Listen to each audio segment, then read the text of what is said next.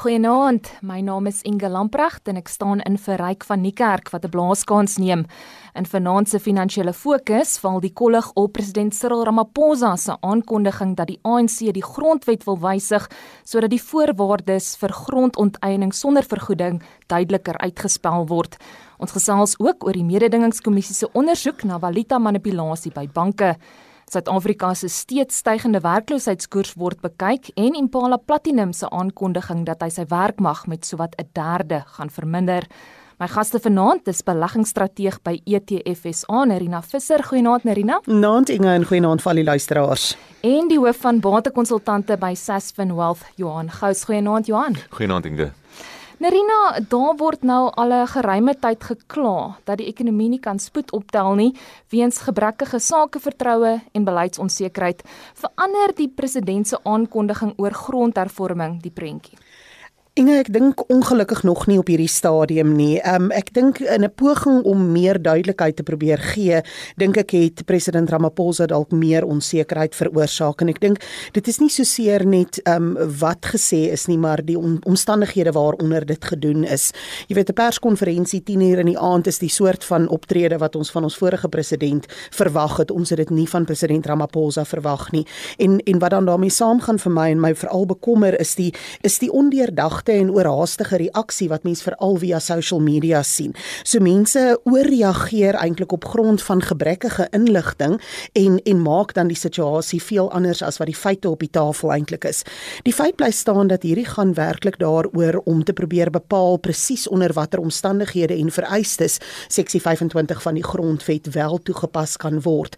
Hierdie is nie 'n grootskaalse onteiening onteiening van land nie. Dis baie duidelik ook dat die ANC se beleid heeltemal anders as die van die EFF is, ehm um, waar die EFF wil hê dat die regering alle eiendom in Suid-Afrika moet besit en dat alle eien um, um, mense in Suid-Afrika bloot ehm um, uh, dit kan huur by die staat is die ANC se ene van baie meer spesifieke onteiening van grond wat nie gebruik word nie. Daar is nie sprake daarvan dat mense se persoonlike huise in gedrang kom of selfs dat produktiewe um, landbougrond um, ter ter sake is nie. So ek dink ons het baie meer koelkoppe hier nodig nodig en baie minder um oorhaastige reaksies op sosiale media. Dit dat jy en Johan vanaand hier in die ateljee is.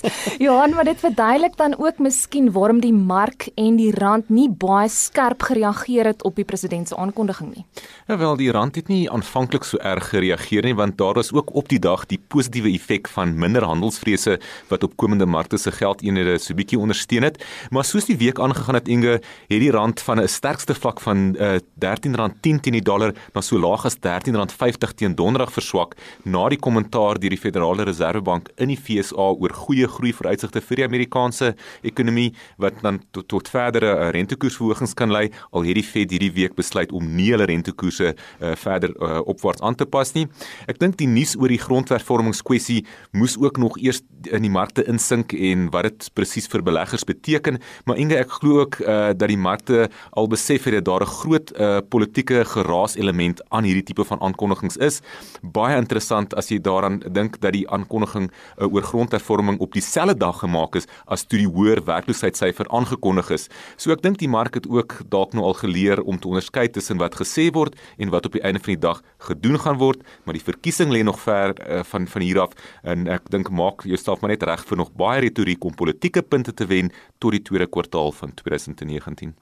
Johan, miskien moet ons sommer op daai punt bly van die werkloosheidskoers. Miskien is dit nou teen hierdie agtergrond van onsekerheid nie 'n verrassing dat die werkloosheidskoers dan nou in die tweede kwartaal met 'n halwe persentasiepunt tot 27,2% gestyg het nie.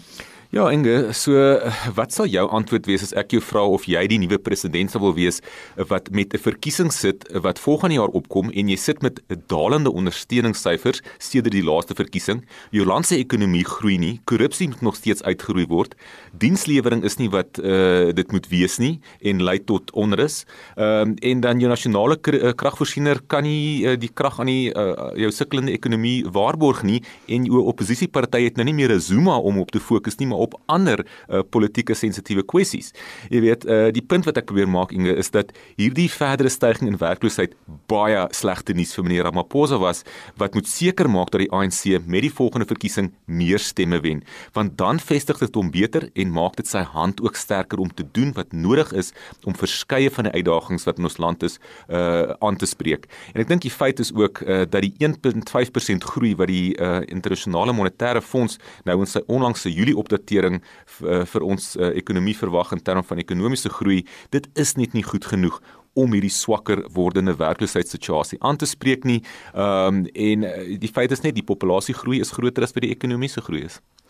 Narina, nou teen daai agtergrond nog slegte nuus is dat Impala Platinum omtrent 13000 mense oor die volgende 2 jaar gaan aflê nou om dit in konteks te plaas sy werkmag is omtrent 40000 mense. Wat is die redes vir Impala se besluit? So dis geruime tyd nou al wat ons platinum myne nie winsgewend is nie. Ehm um, die platinum prys spesifiek is onder groot druk nou vir ehm um, vir heelwat jare al. Ehm um, en die winsgewendheid van hierdie myne ehm um, was was nou vir geruime tyd eintlik maar die groot probleem wat hulle hier het. Omdat Suid-Afrika steeds een van die grootste produsente van die platinum groep metale is in die wêreld, beteken dit ook dat die produksie wat deur Suid-Afrika gelewer word in 'n groot mate bepaal wat die prys van platinum is en is dan interessant om te sien dat net nadat hulle die aankondiging gemaak het dat hulle omtrent 'n derde van hulle werkers um, gaan moet moet afdank en dat hulle hulle aantal myne van 11 na 6 gaan verminder. Met ander woorde omtrent halveer, het die platinemprys dan ook baie positief gereageer daarop. En ek dink in die geval van die verskillende platinemyne is dit grootendeels 'n geval van wie kon die langste uithou, wie kan eerste hierdie hierdie stap geneem het om te sê ons kan nie meer langer die wins die die nuwe winsgewendheid hanteer nie en ons gaan nou moet begin terugsnoei op werkers. Ehm um, die platinumbedryf gaan nie baie vinnig uit hierdie situasie uitkom nie en ongelukkig dink ek sien ons nog baie pyn en baie konsolidasie in hierdie bedryf wat voorlê. Ehm um, so dit is ongelukkig uh, iets wat ook kom teen die agtergrond van verdere onsekerheid nog steeds oor die oor die mynwet en en en ek dink dit wys eintlik maar die impak van die kombinasie van die internasionale ehm um, aanvraag vir platinum en soortgelyke metale het ehm um, en dan die Suid-Afrikaanse omgewing wat definitief nie um, vo voordelig is vir myne nie en hoe 'n negatiewe impak daai perfekte storm kan hê. Johan, behalwe vir die onsekerheid rondom die mynbou handves, is een van die ander groot uitdagings wat Suid-Afrika moet probeer uitsorteer om staatsbeheerde maatskappye soos Eskom en die SAL reg te ruk. Nou Eskom het hierdie week weer beurtkrag in werking gestel weens stakings, maar die Suid-Afrikaanse lugdiens is nou weer onder beheer van die Departement van Openbare Ondernemings geplaas nadat omtrent 4 jaar gelede aan die tesourie gegee is om nou om te sien goeie besluit of slegte besluit. Ja, Inge, Woensdag is daar aangekondig dat SAA nou weer onder die vlerk van die Departement van Openbare Ondernemings sal val. Die groot kwessie vir my Inge is uh, dit gaan oor kap kapasiteit en vaardigheid uh, om die uitdagings van elke staatsbeheerde maatskappy so effektief moontlik te kan aanspreek.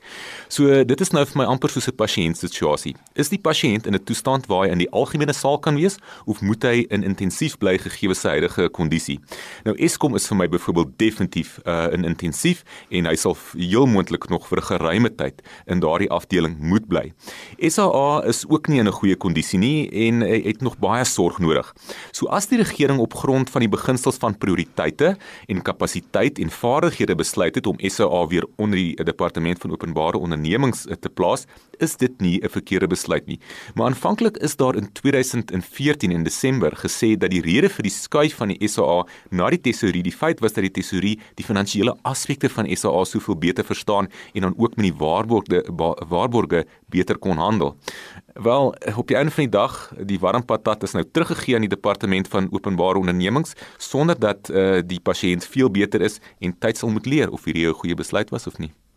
Nerina as ons dan aanbeweeg na 'n bietjie maatskappy nuus of mededingingsnuus. Die mededingingskommissie begin hierdie week met verhore na sogenaamde randmanipulasie deur bankhandelaars. Nou daar's omtrent 23 banke wat by die saak betrek word. Daar's baie tegniese kwessies bespreek en ook oor die meriete van die saak gekibbel. Wat wat is die kern van die saak? So hierdie saak gaan terug na 'n situasie wat in 2007 reeds begin het waar um, om en by 30 individue van hierdie 26 banke deel was van 'n sogenaamde chatroom, 'n online chatroom. So daar was die Reuters instant messaging system en dan is daar ook die Bloomberg chatroom waar hierdie ehm um, handelaars, ehm um, geldeenheidhandelaars met mekaar sou kommunikeer en dan vooraf afspreek dat hulle sekere pryse of die die die die ehm um, koop en verkoop die aanbodkant van die van die rand teen die dollar vooraf sou vasgemaak het om elkeen van hulle soort van 'n beurt te kan gee om om 'n bietjie meer profit te kan maak op 'n spesifieke dag.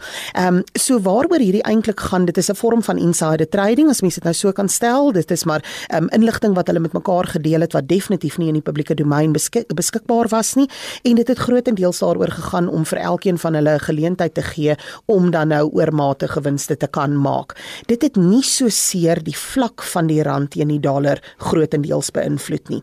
En ek dink dit is waar um, ek dink ons emosionele reaksie as ons weet hoe hoe hoe groot impak die vlak van die rand vir ons in ons ekonomie en in Suid-Afrika het, um, is mense onmiddellike reaksie, de, hulle was die oorsaak daarvan dat die rand dalk met tye baie ster baie verswak het um, of so.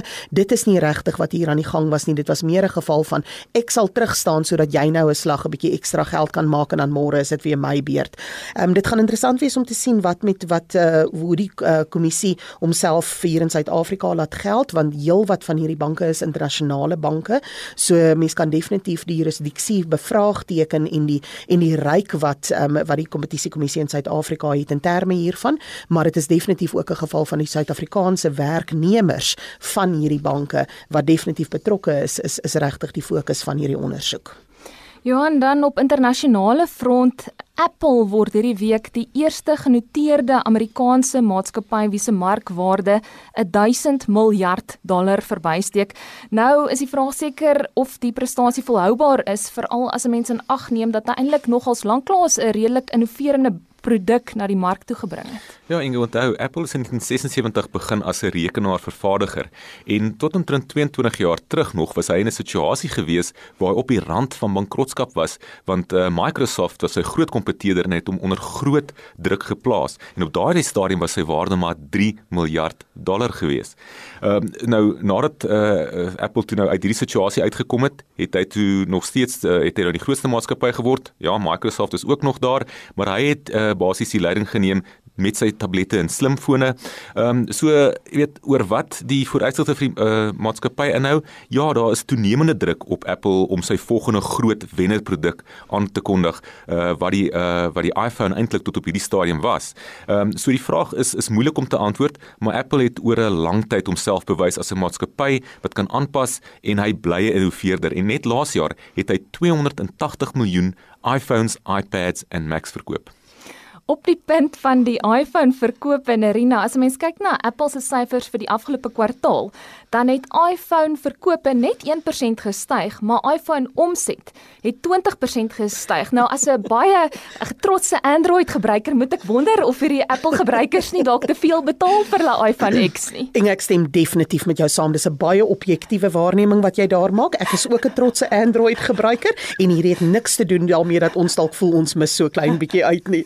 Maar jy weet wat vir my baie interessant is as jy kan kyk wat sedert 2013 gebeur het hier is um, omtrent 42% van hierdie groei wat Apple ondervind het was as gevolg van aandele wat teruggekoop is. Met ander woorde die aantal aandele in Apple wat beskikbaar is in die mark het met 42% gedaal oor hierdie afgelope 5 jaar en dit het grootendeels gekom um, op grond van die die lae rentekoerse wat Amerika gehad het. So mense kan tog sien dat daar 'n strukturele ondersteuning vir hierdie aandelepryse is wat ver weier gaan as die fundamentele ehm um, feite rondom wat hulle vir hulle iPhones vra en hoe oulik die nuutste tegnologie is. Baie dankie Nerina, dit was beleggingsstrateeg by ETF SA Nerina Visser. Baie dankie ook aan die hoof van batekonsultante by Sasfin Wealth, Johan Gous. Dit bring ons dan by die einde van vanaand se finansiële fokus. Ek wens al ons luisteraars 'n baie voorspoedige week toe. Ryk is volgende week terug op sy pos. Van my Inge Lampreg, groetnis. Tot volgende keer.